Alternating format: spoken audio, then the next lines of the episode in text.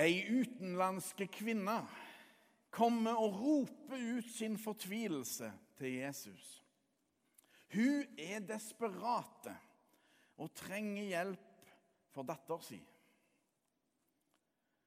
Kvinna er hedning, kananeisk, altså ikke jødisk.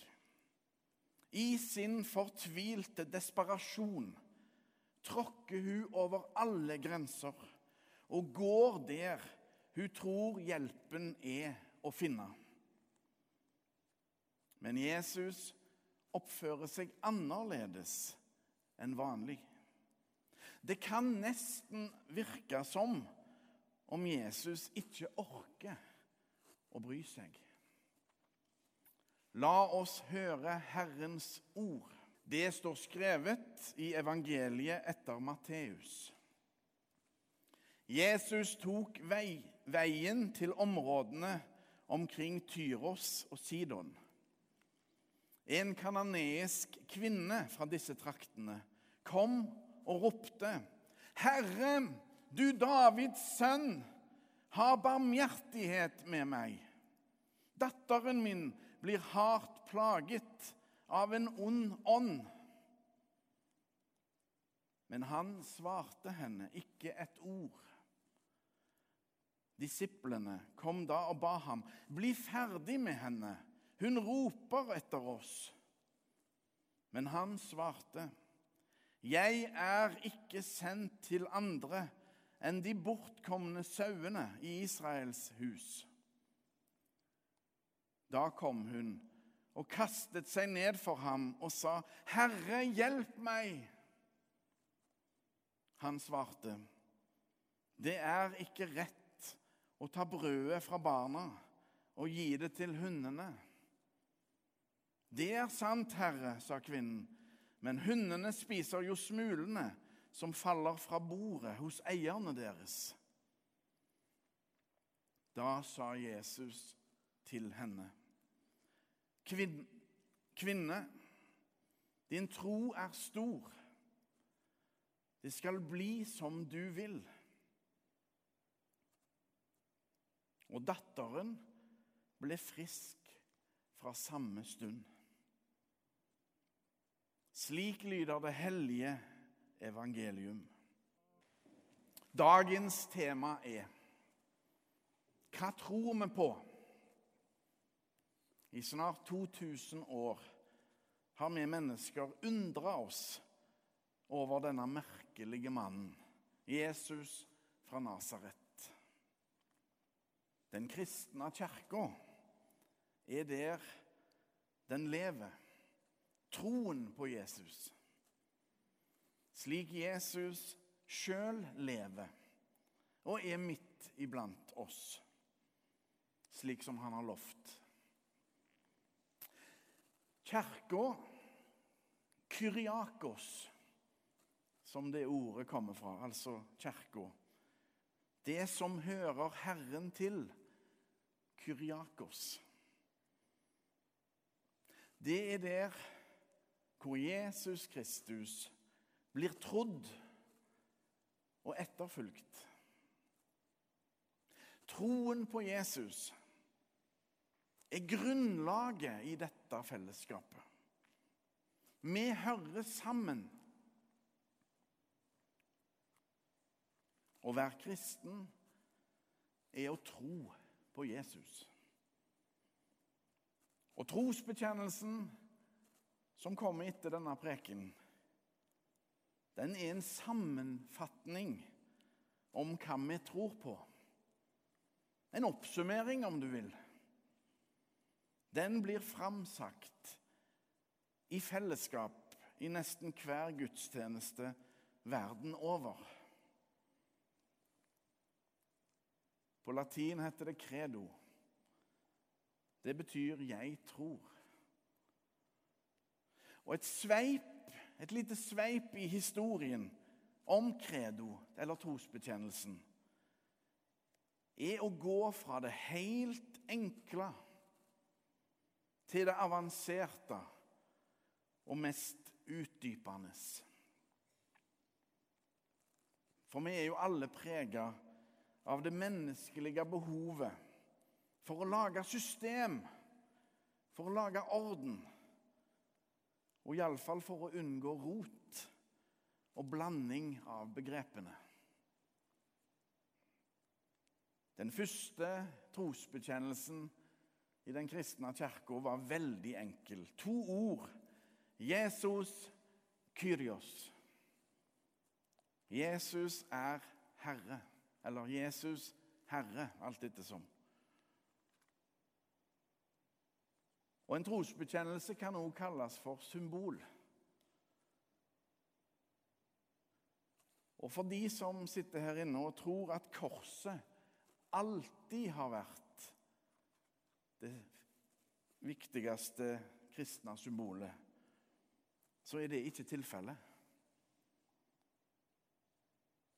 Det gikk mange hundre år før en orka å bruke korset som symbol.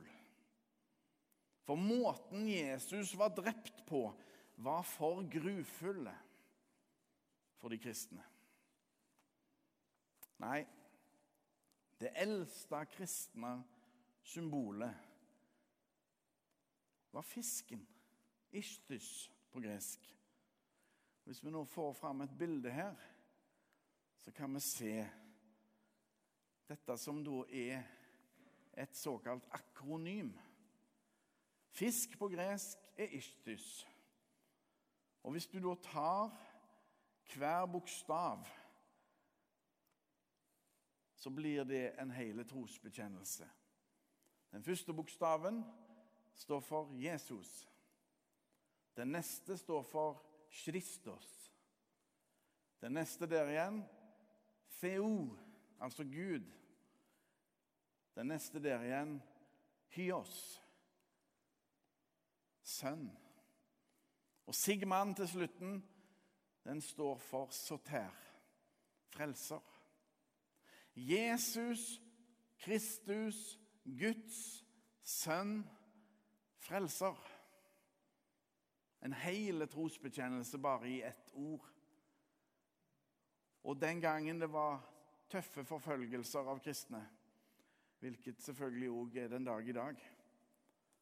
Men i den tida der, hvis du var usikker på den andre personen du traff, så slo du først en liten bue i sanden. Og hvis den andre slo en bue til, så ble det en fisk som symbol. Da visste du at jeg har med en kristen å gjøre. Et lite sånn skjult symbol de imellom.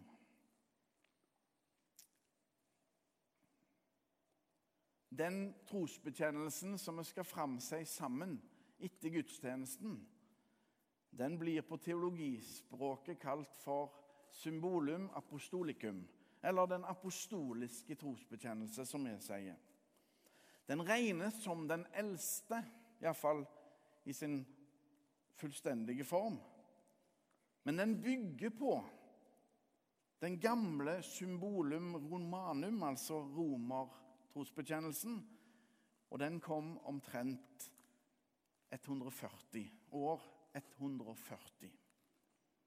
Men mange steder i Det nye testamentet kan vi finne spor av enkle bekjennelsesformler som har vært brukt i den kristne gudstjenesten og særlig i forbindelse med dåpen.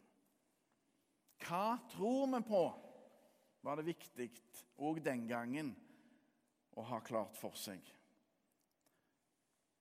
Den apostoliske trosbekjennelsen har bare vært anvendt i Vestkirka. Det vil si Rom, eller Roma, som utgangspunkt. Altså er apostolikum altså den apostoliske trosbekjennelsen, den er den mest brukte i vår evangelisk-lutherske kirke. Siden vi er ut ifra den romersk-katolske kirka. Den er relativt kortfatta. I Østkirka, derimot, med utgangspunkt i Konstantinopel, det som i dag heter Istanbul i Tyrkia. Der er det den nikenske trosbetjenelsen som brukes.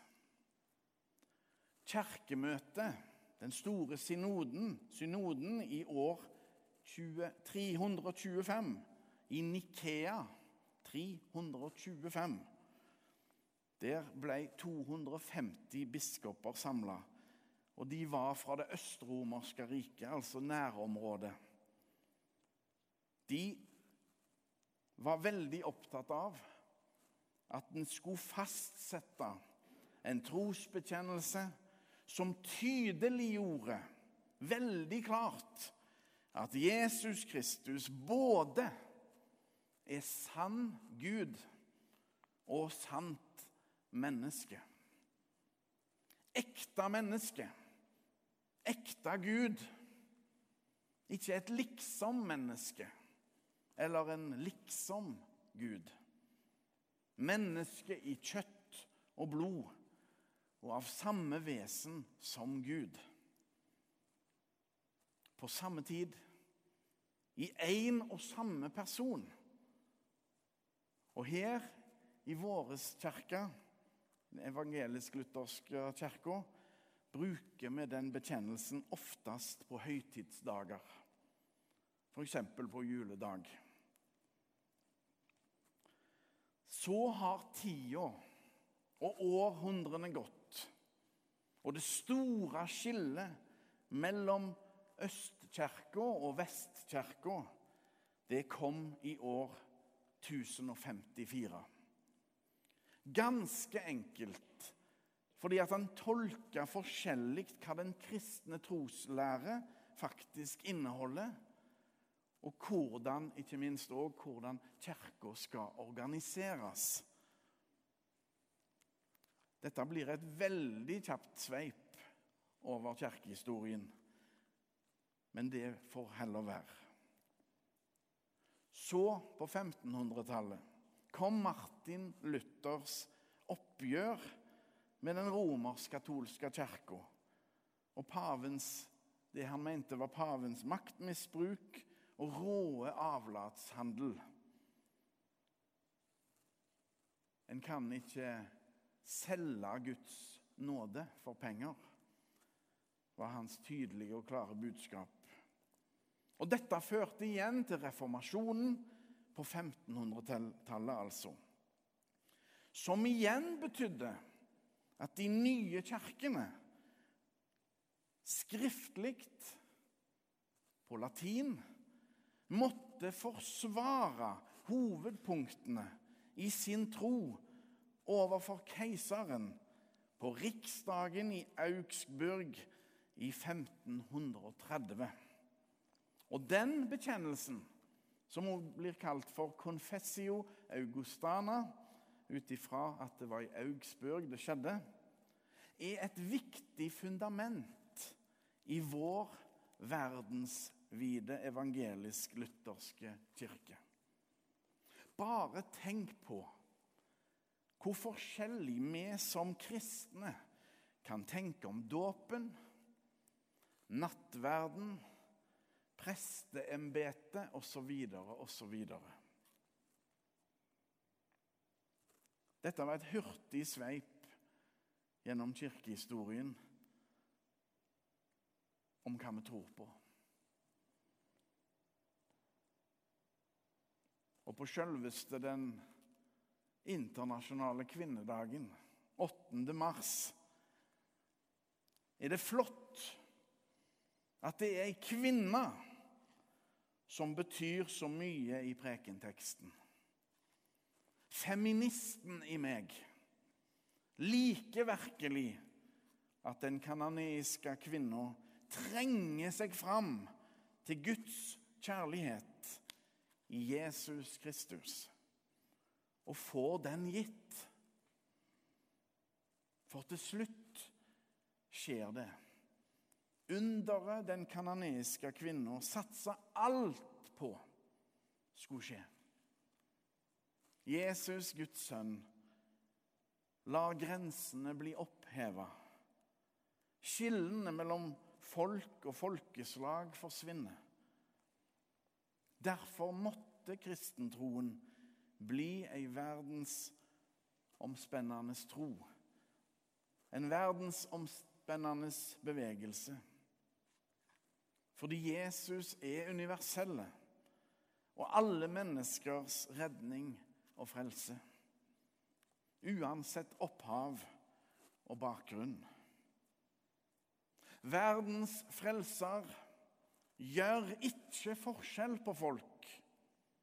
Jesus lider og dør for alle mennesker. Jesu frelsesverk nullstiller alle verdiforskjeller. Jesus viser oss at verdens nød er vår nød.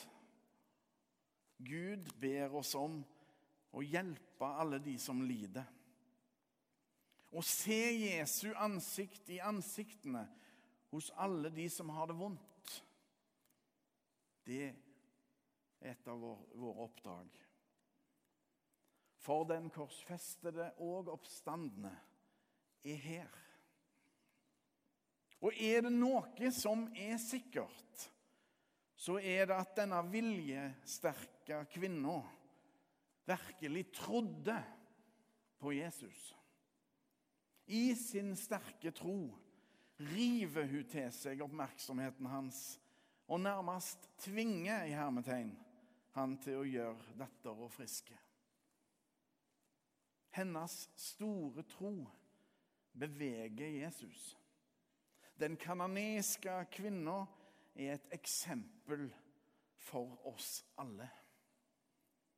For hun viser hva det er å tro. Å tro er å komme til Jesus. Ære være Faderen og Sønnen og Den hellige ånd, som var, er og blir en sann Gud fra evighet og til evighet. Amen.